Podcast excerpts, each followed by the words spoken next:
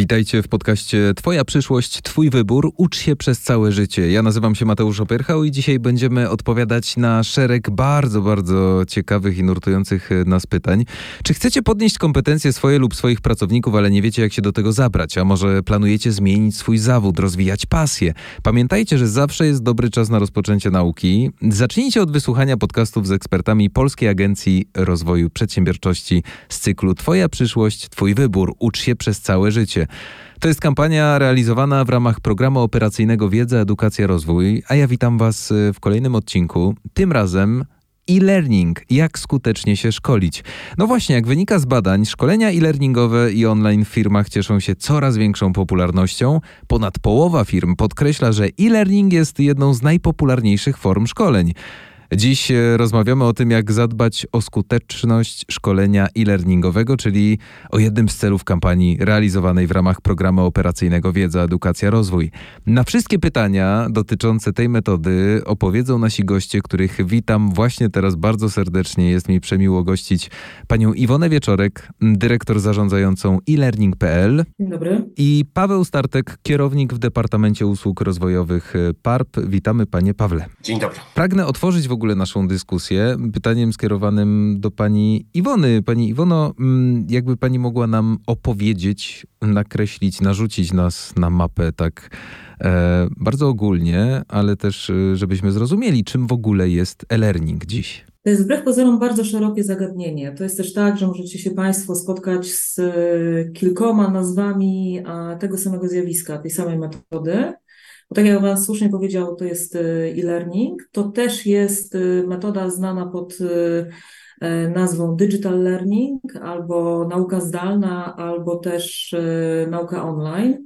A to wszystko to jest nic innego, tylko e, sposób pozyskiwania nowej wiedzy, nowych kompetencji przy wykorzystaniu technologii informatycznych. Oczywiście w tle jest dostęp do internetu, oczywiście w tle są różnego rodzaju zasoby e, digitalowe, szkolenia e-learningowe, materiały wideo, infografiki, wszystko to, co w internecie de facto e, może nam służyć jako źródło informacji na bardzo różne tematy, to jest e-learning. Więc definicja jest bardzo szeroka. No i oczywiście to jest tak, że z tym e-learningiem możemy się spotkać zarówno w takim nauczaniu formalnym, Myślę tutaj y, głównie o tym, czym ja się zajmuję, czyli szkolenia dla firm w bardzo różnym e, formacie, w bardzo różnym e, modelu. To są również bardzo interesujące, bardzo nowoczesne rozwiązania e-learningowe, rozwiązania digitalowe, które funkcjonują na uczelniach. E, I myślę, że e, tutaj e, mamy naprawdę szereg przykładów, które to obrazują, ale to jest też cała bardzo interesująca część związana z taką nauką nieformalną, z chociażby wykorzystaniem YouTube'a, z wszystkimi rzeczami, których możemy się dowiedzieć, oglądając na przykład krótkie filmiki instruktażowe. To jest bardzo, bardzo pojemne określenie i mam wrażenie, że to jest też coś, co nas e, absolutnie, przynajmniej od paru e, ładnych lat, po prostu otacza. Więc nie unikniemy tego. Fantastycznie, że jesteśmy w tym momencie nie unikniemy, ale też nie musimy się tego obawiać, prawda? Bo w tych czasach, tak jak e, tak. pani mówi, no e-learning jest na porządku dziennym, YouTube jest na porządku dziennym, my wszystkie tak. informacje czerpiemy z internetu, więc w ogóle nie należy się tego internetu i wszystkiego, co e, rozpoczyna się literką i z angielskiego e, bać. Połączyła nas tutaj niejako baza usług rozwojowych. Tam można się szkolić, korzystając z europejskiego dofinansowania, nawet 80%. Czy w bazie znajdziemy też usługi usługi e-learningowe i jak często takie mm, szkolenia zdalne są y, wybierane? Generalnie, jak możemy z tych szkoleń korzystać, drodzy Państwo? Usługi szkoleniowe i doradcze w bazie usług rozwojowych świadczone są w sześciu formach. Korzystając z BUR można wybrać usługę stacjonarną, zdalną lub zdalną w czasie rzeczywistym lub kombinację tych trzech form. Przed 2020 rokiem e, usługi zdalne stanowiły zaledwie 2-3% wszystkich usług oferowanych i świadczonych w burze. E, pandemia i wprowadzone przez nią ograniczenia przyczyniły się do tego, że w samym 2020 roku liczba tych ofert świadczonych przez internet znacznie wzrosła. W pierwszym roku pandemii ponad 30% tych usług e, w bazie zrealizowano w formie, w formie zdalnej. Na początku pandemii firmy szkoleniowe wykorzystywały proste narzędzia cyfrowe do prowadzenia szkoleń online. Były to Zoom czy, czy, czy Teamsy. Obecnie coraz częściej do przygotowania swoich usług wykorzystywane są narzędzia z obszaru EdTech, sztucznej inteligencji lub wirtualnej rzeczywistości. To wszystko sprawia, że usługi zdalne czy zdalne w czasie rzeczywistym stają się coraz atrakcyjniejsze i lepsze dla uczestnika, dla odbiorcy końcowego. E, praktyka pokazała, że szkolenia realizowane przez internet są równie efektywne jak te, które odbywają się stacjonarnie. Mają też wiele zalet, takich jak oszczędność czasu, możliwość zrealizowania szkolenia w wybranym przez nas terminie. W 2020 roku obserwujemy utrzymujący się, się trend, że 25% usług oferowanych w burze jest realizowane w formie, e, w formie zdalnej. Ta tendencja nadal się utrzymuje, co jednoznacznie świadczy o tym, że zdalna forma świadczenia usług weszła na stałe do oferty firm szkoleniowych. E, oczywiście często klienci obawiają się, czy szkolenia stacjonarne i stacjonarne są równie efektywne. E, tu mogę zapewnić, że my jako administratorzy buzy, bury stale dbamy o najwyższą jakość oferowanych e, usług w bazie. Służą temu weryfikacje kart usług, monitoring tych usług. Pomagamy też firmom szkoleniowo-doradczym w przygotowaniu najlepszej jakości usług.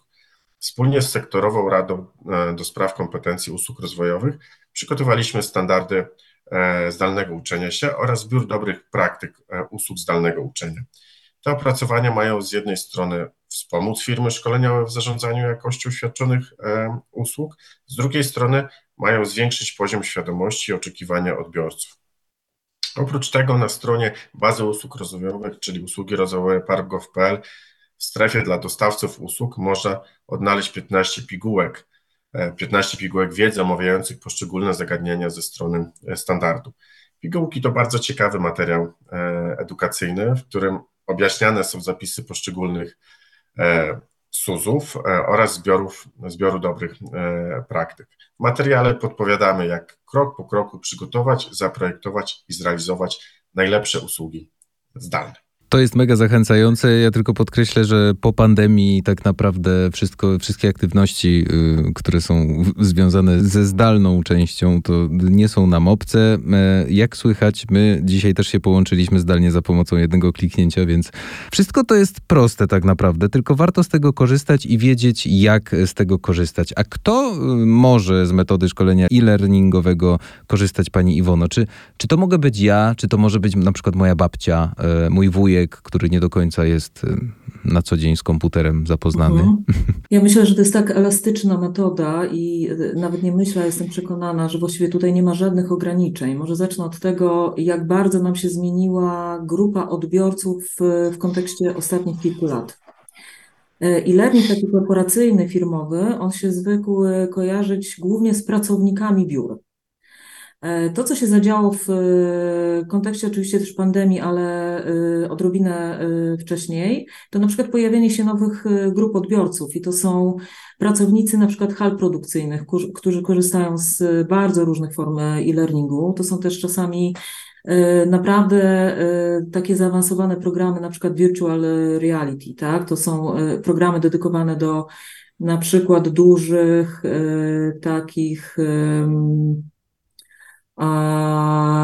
do, do obróbki e, maszyn albo do e, dużych taśm produkcyjnych, więc tutaj e, możemy bez żadnego problemu przeszkolić te grupy użytkowników, które z różnych powodów wcześniej były trudno dostępne dla, dla metody e-learningowej. To jest jakby jedna rzecz. Mhm. Oczywiście nie wspominam, bo to jest oczywiste, o pracownikach tak zwanych mobilnych, kurierzy, E, pracownicy też e, działów obsługi klienta, wszyscy ci, e, którzy z racji wykonywanej pracy mieli też utrudniony chociażby dostęp do szkoleń po prostu tradycyjnych, stacjonarnych. Natomiast to, o czym pan redaktor wspomniał, na początku tego pytania, to jest naprawdę fantastyczna metoda do takiej nieformalnej nauki. To znaczy dla wszystkich osób, które po prostu są zainteresowane taką czy inną formą rozwoju. Bo proszę zwrócić uwagę, że my tutaj sobie rozmawiamy na tak zwanym online, e, ale to, co na przykład e, bardzo mocno e, ostatnio zarysowało się w kontekście tych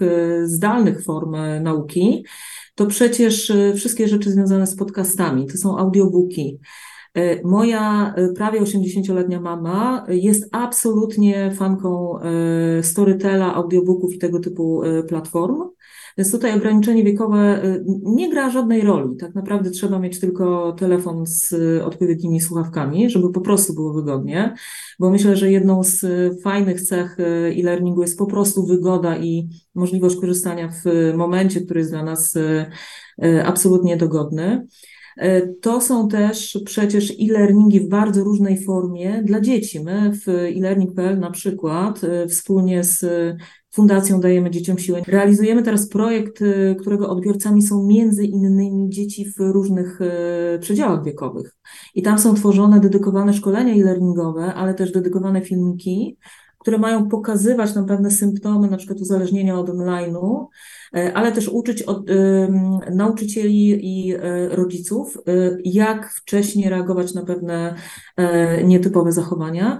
Więc tutaj właściwie nie ma mowy o tym, że są jakieś ograniczenia wiekowe. Metoda jest na tyle elastyczna i jest tak bogata w różne formaty, że właściwie każdy mm, e, typ odbiorcy znajdzie coś dla siebie, bo mamy i mhm. podcasty, i materiały wideo, przecież e, YouTube jest e, no, fantastyczną platformą szkoleniową de facto, bo na pewno panowie nieraz korzystaliście przy wykonywaniu jakichś prac domowych. Ja mam ogródek i też czasami oglądam sobie krótkie filmiki, jak zrobić pewne prace w, w ogrodzie.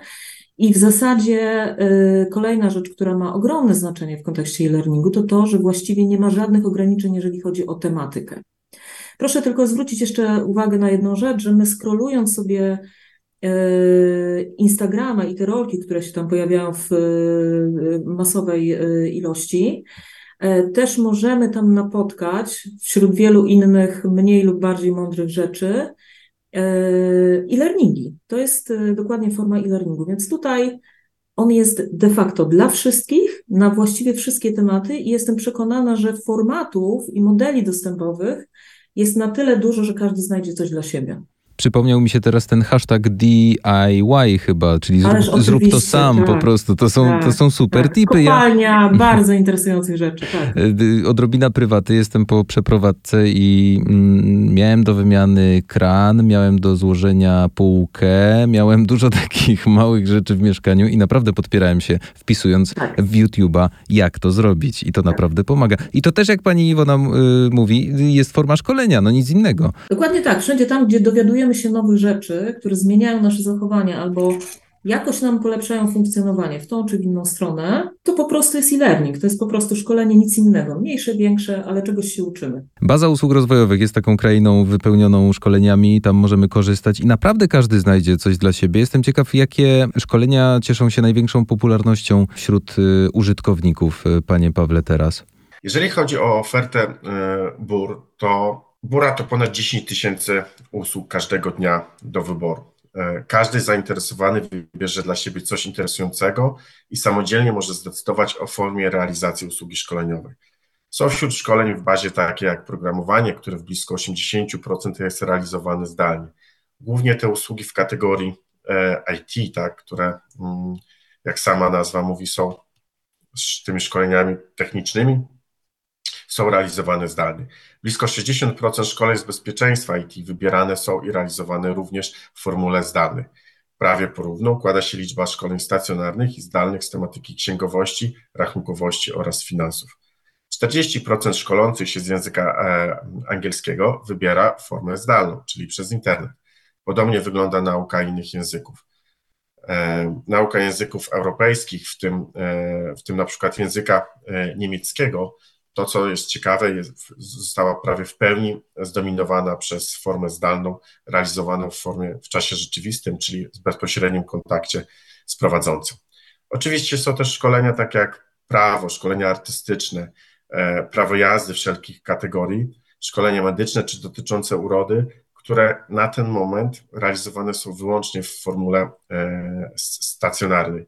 No ale to już e, mówimy tutaj o specyficznych szkoleniach, które dla których taka formuła jest rzeczywiście e, odpowiednia. Nawet sam doświadczyłem e, szkoleń e, przy pomocy technologii VR, które przygotowują nowych pracowników do pracy na liniach produkcyjnych za wiele milionów złotych, tak?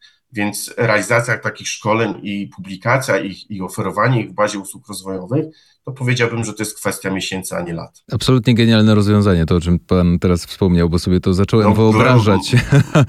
Bardzo, bardzo e, zdziwiony i zafascynowany, naprawdę taki zwany game changer to może być na rynku tak naprawdę, bo... Zdecydowanie, bo zdecydowanie. Też y, profit dla mm, pracodawcy wydaje mi się, że jego pracownik po prostu zostanie przeszkolony odrobinę szybciej. Postawić niewykwalifikowanego pracownika przy mm, linii produkcyjnej za wiele milionów, to jest jednak dosyć spore ryzyko. Ja chciałam tylko dopowiedzieć, że na przykład jakiś czas temu e, jedna z takich topowych marek samochodów, zrealizowała program szkolenia VR-owego dla e, kierowców, którego, e, a tematem tego VR-u było zachowanie się w samochodzie zgodnie z zasadami savoir vivre. Różnie to z tym bywa, prawda, podczas mm prowadzenia samochodu. Natomiast została przygotowana taka aplikacja VR-owa, która właśnie bardzo E, mocno jakby była mm, e, skupiona na tym, jak kierowca reaguje na różnego typu e, zachowania, które go mogą spotkać na drodze. A to ktoś podjeżdża, a to ktoś miga światłami, różne rzeczy się zdarzają. I teraz fantastyczne w tych symulatorach, no bo y, to, o czym Pan Paweł mówił, to też są przecież symulatory pracy, czasem bardzo skomplikowanych y, taśm produkcyjnych, piecy hutniczych, bo też takie y, symulacje się zdarzają, czy chociażby dużych takich lokomotyw e, e, składów pociągów, jest to, że my możemy jako szkoleniowcy potem bardzo szczegółowo analizować zachowanie osoby, która bierze udział w takim szkoleniu. I to jest tak naprawdę kopalnia wiedzy, do tego, żeby kolejne podejście było już lekko skorygowane i faktycznie, żebyśmy mieli do czynienia właśnie ze zmianą zachowania, przecież o to w szkoleniach chodzi. Więc ja w ogóle jestem fanką rozwiązań tak zwanych imersyjnych, czyli takie mocne zanurzenie się w tej sytuacji szkoleniowej. No i fantastycznie, że e, baza usług rozwojowych idzie też e, w tym kierunku. Naprawdę bardzo, bardzo fajna sprawa, bardzo skuteczne są też właśnie te e-learningi. Potwierdzam, podpisuję się oczywiście. To jest genialne rozwiązanie i genialna misja, jaką tworzycie. Y, jestem ciekaw, jednocześnie właśnie jak jesteśmy już przy tych szkoleniach, pytanie gdzieś tam mi się narodziło, co zrobić, żeby takie szkolenie było skuteczne? To znaczy, jak zachęcić użytkownika do tego, żeby faktycznie, po pierwsze, no bo to są dwa sukcesy tak naprawdę twórcy szkolenia. Po pierwsze, żeby ktoś po nie sięgnął, a po drugie, żeby się nie znudził w trakcie. No ja myślę, że jest kilka elementów, na które trzeba zwrócić uwagę i mówię to też jako czynny e, e, trener od metodyki e-learningu, czyli od tego, jak to szkolenie powinno być zaprojektowane, żeby było E, skuteczne i żeby faktycznie ten efekt był e, e, zadowalający. Po pierwsze, trochę musimy pamiętać o pewnych rzeczach, które się dzieją przed samą produkcją szkolenia, przed samym przygotowaniem tego szkolenia. To znaczy, musimy sobie odpowiedzieć na pytanie, po pierwsze, dla kogo to szkolenie jest przeznaczone, z kim my mamy de facto do czynienia. Bo trochę inaczej projektuje się szkolenia dla na przykład pracowników linii obsługi kas w hipermarkecie, z uwagi na specyfikę pracy, na środowisko, w którym funkcjonują, a trochę inaczej na przykład dla y, punktów obsługi klienta y, dla firm telekomunikacyjnych, a jeszcze inaczej y, dla dzieci w przedziale wiekowym 6-8. Więc tutaj odpowiedź na pytanie, dla kogo to szkolenie jest, ma kluczowe znaczenie. To jest tak zwana persona e-learningowa. To jest jeden z elementów, które po prostu trzeba dopytać albo które trzeba zweryfikować. Kolejna rzecz to oczywiście co to szkolenie ma załatwiać? Przepraszam za y, kolokwializm, ale to jest odpowiedź na pytanie, tak naprawdę, czego my jako odbiorcy mamy się nauczyć po przejściu tego szkolenia. I to szkolenie może być krótkim filmikiem instruktażowym, tak jak Pan wspomniał, e, nie wiem, muszę zamontować zlew, tak? Muszę podejrzeć, jak to się robi. Wystarczy mi krótki filmik instruktażowy. E, co ja jako odbiorca tego szkolenia mam umieć albo rozumieć po przejściu tego szkolenia? Więc to jest e, kolejna rzecz. I oczywiście tu gdzieś jest e, w międzyczasie pytanie, na jakim poziomie wiedzy ja jako odbiorca wchodzę jakby do tego tematu. A potem dopiero pojawia się pytanie o to, w jakim formacie, w jakiej formie my przedstawimy te wszystkie informacje merytoryczne i jak sprawdzimy, że one zostały zrozumiane. To jest jeden element. Kolejny element, o którym Pan zresztą już wspomniał i który ma naprawdę ogromne znaczenie, no to jest kwestia odpowiedniego e, chyba wypromowania tego szkolenia. To znaczy, to jest kwestia przekonania odbiorcy, czy to jest odbiorca indywidualny, czy to jest pracownik korporacji albo y, jakiegokolwiek przedsiębiorstwa, dlaczego on miałby poświęcić te pół godziny, godzinę, a czasem te szkolenia są e, dużo dłuższe, e, po to właśnie, żeby przejść przez to szkolenie. I to jest tak zwany cały marketing motywacyjny, to znaczy musimy E, tak wytłumaczyć potrzeby zrobienia tego szkolenia. Oczywiście najlepiej się delikatnie zorientować, albo i mniej delikatnie w potrzebach tych odbiorców. Użytkownik, który, czy odbiorca szkolenia, on musi mieć przekonanie, że to szkolenie mu coś da. To jest jakby jedna strona medalu, a potem następuje, oczywiście w zależności od technologii, cały proces produkcyjny, albo też konsumpcja po prostu szkolenia, bo są przecież szkolenia gotowe, dostępne y, na rynku. Natomiast chciałabym zwrócić jeszcze uwagę na jeden bardzo ważny aspekt. E-learning, wbrew pozorom, pomimo tego, że jest bardzo dostępny, on wymaga dużego zaangażowania, jeżeli chodzi o y, aktywność y, osoby, która z tego korzysta. No musi być potrzeba. Pan potrzebował kilka rzeczy zrobić w domu, w związku z tym narodziła się, narodziło się takie zapotrzebowanie, ale to też jest sytuacja, w której my musimy, przynajmniej ja jestem tego zwolennikiem, świadomie podejść do tego e-learningu, szczególnie jeżeli to nie jest jednostkowe wydarzenie, a na przykład bierzemy udział w jakiejś większej, na przykład akademii szkoleniowej albo podchodzimy do tego e-learningu jak po prostu do metody, z której będziemy korzystać w większym wymiarze. To jest oczywiście kwestia na przykład wyrobienia sobie pewnego nawyku, potraktowania trochę e, szkolenia czy korzystania w ogóle z e-learningu jak projektu, mówiąc krótko. Trzeba go zaplanować, trzeba mieć e, w miarę komfortowe warunki do tego, żeby się skupić na tych treściach. E, ja czasem się śmieję na warsztatach, które prowadzę, że całe projektowanie e-learningu sprowadza się tak naprawdę do zastanawiania się, jak skupić koncentrację użytkownika na ekranie, czy to jest ekran wideo, czy to jest ekran szkolenia takiego ekranowego, które się jakoś tam w slangu branżowym nazywa, to jest sprawa drugorzędna. Natomiast e-learning to jest cały czas y, walka o uważność, walka o koncentrację. I teraz, żeby się skoncentrować na tych treściach, to trzeba sobie troszeczkę przygotować środowisko, to znaczy mieć naprawdę chwilę, wydzielić sobie ten element w trakcie dnia, skupić się na tym, e, powyłączać e, wszystkie elementy, wszystkie takie dystraktory, jak to się ładnie nazywa, które mogą nas odciągać od tego e-learningu. No bo wtedy faktycznie jest możliwość skupienia się na tych treściach i wtedy te efekty po prostu będą dużo, dużo lepsze.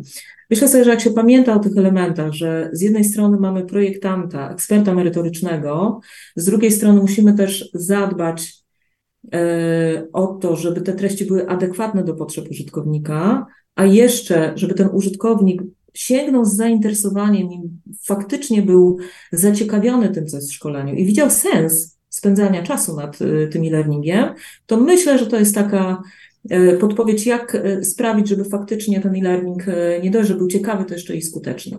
A dzisiaj złapanie uwagi, zwłaszcza u młodych ludzi, to jest na wagę złota. Trzeba sobie to powiedzieć. Zresztą... Myślę, że nie tylko u młodych, bo wszyscy jesteśmy narażeni na potworny szum informacyjny i myślę, że sytuacja nas kompletnie nie wspiera. A TikTok jest tego najlepszym przykładem. Mm, te krótkie filmiki, które, które służą za bodźce, z których korzystamy, to, to jest idealny przykład na to, że no ciężko naszą uwagę złapać. Podobno pierwsze trzy sekundy chyba są najważniejsze, co jest w ogóle jakimś hitem totalnym dla mnie, że, mhm. e, że trzy sekundy mogą zaważyć o tym, czy coś mnie zainteresuje, czy nie. Natomiast faktycznie to jest, y, na wagę złota jest to, o czym pani Iwona wspomniała, że my musimy być nastawieni y, na to, że teraz mam 30 minut na samorozwój, na naukę i naprawdę nic mnie przez te pół godziny nie będzie rozpraszało. A mówimy tutaj o młodych, ale mówimy też o starszych y, ludziach i to pięknie gdzieś tam się przeplatało na początku naszej rozmowy. Mm, panie Pawle, wracając jeszcze do samego mm, buru, jak możemy to skrótowo nazwać, bazę usług rozwojowych, mm, częściej wybierają osoby młodsze, czy, czy korzystają y, wszyscy, niezależnie od wieku? zanim odpowiem na to pytanie, jeszcze nawiążę do wcześniejszych naszych wypowiedzi na temat e, e-learningu, czy korzystają młodzi, czy, czy starsi. E, no musimy sobie zdawać sprawę, że e, wiedza, którą nabywamy na określonych etapach naszego życia nie wystarczy. Musimy cały czas się szkolić, musimy cały czas się rozwijać. Eksperci prognozują, że w ciągu najbliższych lat prawie 100 milionów miejsc pracy zniknie, zostanie za, zastąpiony przez automaty, przez sztuczną inteligencję. E, z drugiej strony inne badania wskazują, że to, czego się uczą teraz dzieci w, szkołach, blisko 60% dzieci, które są teraz w szkołach podstawowych, będzie pracować w zawodach, które jeszcze nie istnieją. To świadczy o tym, że dynamika zmiany kształcenia czy, czy, czy, czy zawodów w, w świecie jest ogromna. Dlatego, dlatego nie możemy przestawać się szkolić, obojętnie na jakim e, jesteśmy e, etapie. Tu e, z wielką pomocą przychodzi e, szkolenie zdalne, e, przychodzi e-learning, tak jak już pani Iwona mówiła, YouTube, wszelkiego rodzaju aplikacje na telefon, nawet do nauki mhm. języków, gdzie w każdym momencie możemy sobie to odpalić, możemy poszerzać swoją wiedzę. Ja często dojeżdżając do pracy, jadąc pociągami, widzę młodych ludzi, tak, którzy przygotowują się do, e, do zajęć na e, aplikacjach językowych, tak, sobie mm. uczą się, się języków. W przypadku szkoleń stacjonarnych, takiej tradycyjnej metody szkoleniowej, to by było niemożliwe, tak? Teraz, teraz mamy tą taką możliwość. Jeżeli idziemy w kierunku bazy usług rozwojowych, pytanie było o to, czy szkolą się młodzi, czy starzy.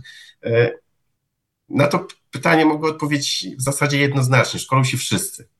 E, my, jak sobie analizujemy dane w bazie e, usług rozwojowych pod względem przydziału wiekowego, podzieliliśmy sobie naszych użytkowników na takie cztery, e, cztery grupy wiekowe do 35 lat, od 30 do 50, 50, 70 i 70 powyżej 70, tak? To widzę zdziwienie pana redaktora, że takie osoby też się kształcą i oczywiście też się kształcą, tak? I, i, i nawet sam się zdziwiłem, z, z, czego, z czego te osoby się kształcą, ale to jest dyskusja na inny, na, in, e, na, inny temat, na inny czas. To jest, e, to jest panie Pawle, uśmiech nadziei u mnie. U, uśmiech nadziei, do, do, dokładnie tak. Jeżeli bym miał powiedzieć, czy oni, czy te osoby, w obojętnie w której kategorii wiekowej wolą stacjonarnie czy, czy zdalnie, E, no, na tą chwilę oczywiście bardziej stacjonarnie, tak? Prawie 70, ponad 70% tych szkoleń jest realizowanych w sposób stacjonarny, ale prawie 30 to jest naprawdę bardzo duża liczba. To nie mówimy o kilku, kilkudziesięciu, ale mhm. mówimy o kilku tysiącach szkoleń, które są realizowane w sposób zdalny.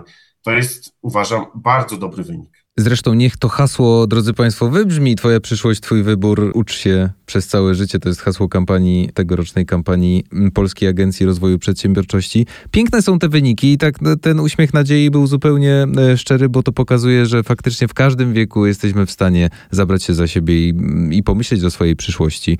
E, natomiast e, to, co Pan Panie Pawle powiedział, że mm, my tak naprawdę nie wiemy, jak będzie wyglądał rynek y, pracy.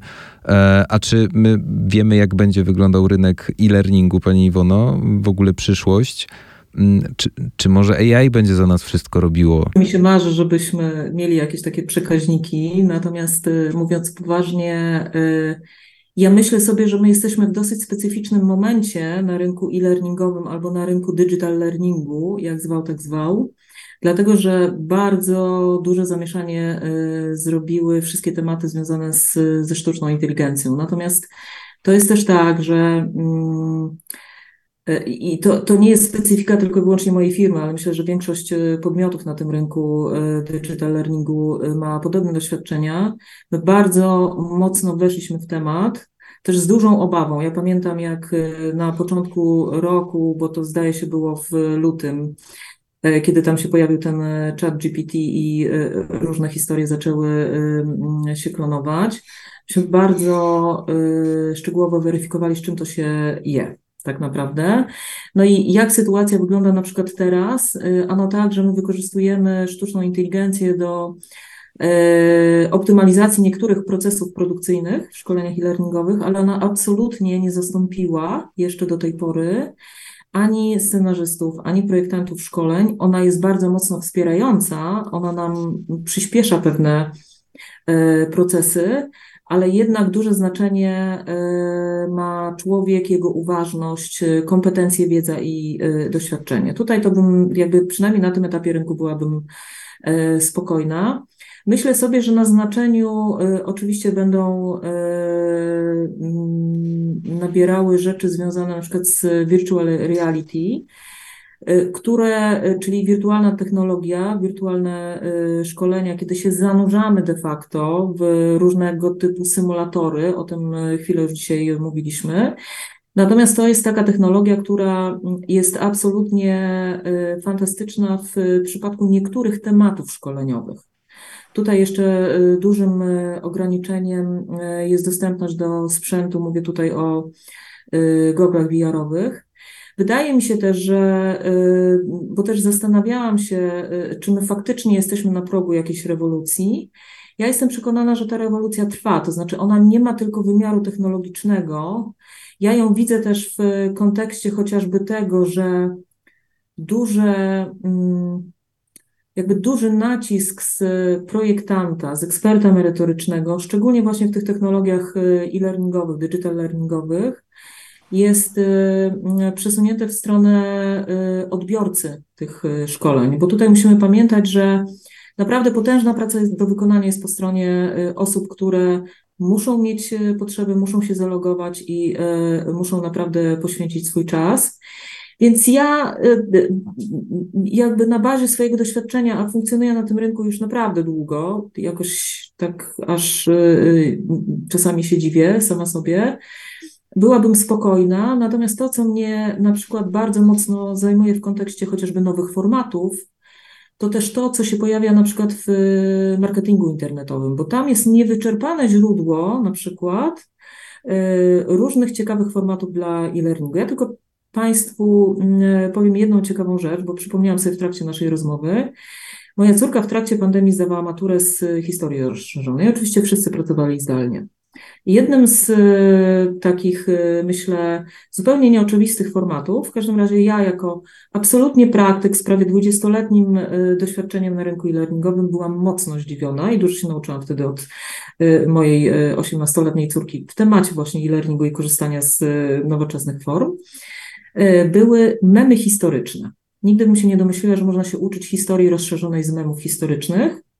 A oprócz książek, oprócz PDF-ów, oprócz oczywiście online'owych połączeń z nauczycielem, to była jedna naprawdę z bardzo skutecznych form, bo nie dość, że była na temat, nie dość, że trafiała w potrzebę, to jeszcze była bardzo angażująca, bardzo często zabawna, no i właściwie działała na e, zasadzie takiego wirala internetowego. Także myślę sobie, że e, tutaj duże znaczenie też będą miały wszystkie te elementy, które będą budziły nasze zaciekawienie jako odbiorcy i zaangażowanie.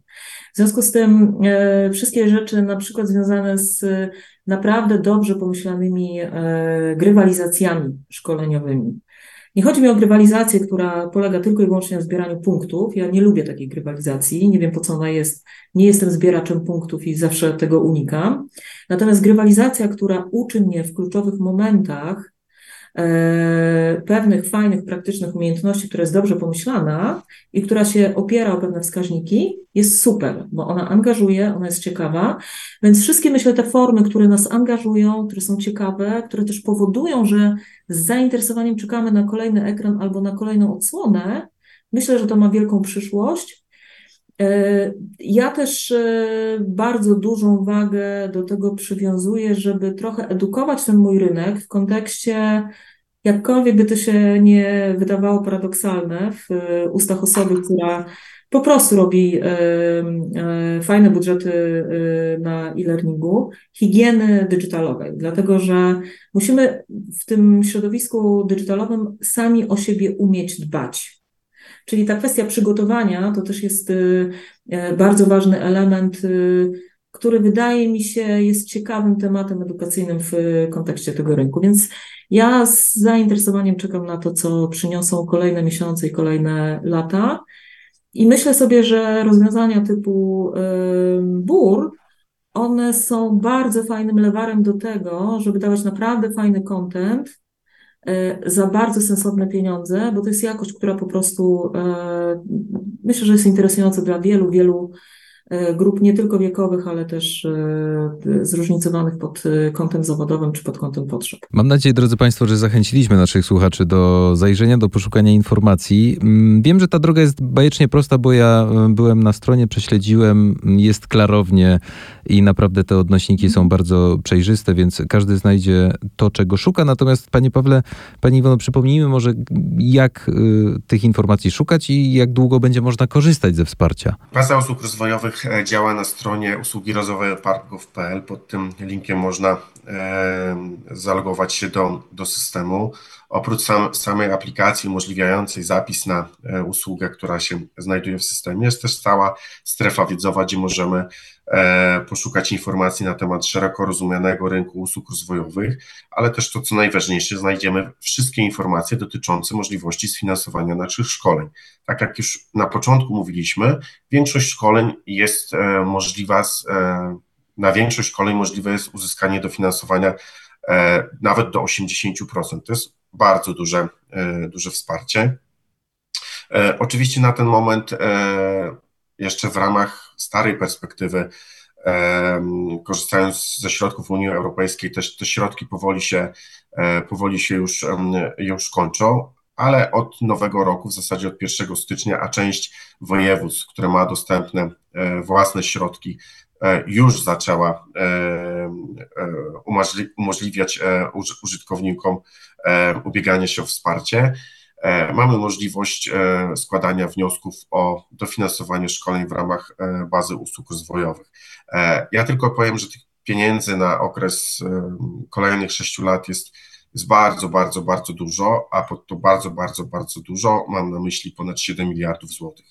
Więc to jest ogromna kwota, z której mogą korzystać przedsiębiorcy, użytkownicy, jak i nie tylko pracownicy, ale wszyscy ludzie, bo takie ścieżki też są, e, też są uruchamiane. Naprawdę korzystamy, e, zachęcamy do korzystania z bazy usług rozwojowych wszelkie informacje są na jej stronach. Nie czekajmy. Twoja przyszłość, e, twój wybór, uczymy Nie się czekaj. przez całe życie. Ta nasza przyszłość jest tak naprawdę tu i teraz. Ja zawsze to powtarzam. Korzystajmy z bazy usług rozwojowych, ale korzystajmy też z tych metod uzupełniających. Pani Iwono, y, absolutny hit te memy historyczne. Kradnę, będę sprawdzał. Mhm.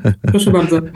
Ja myślę też, y, że ciekawym rozwiązaniem jest to, o czym pan Paweł wspomniał. Na przykład wszystkie aplikacje do, służące do nauki języka. Ja sama się uczę e, e, wieczorami, też mam wyrobiony też taki nawyk e, szkoleniowy. Ja to już traktuję jako naprawdę przyjemną odskocznię po bardzo często ciężkim dniu.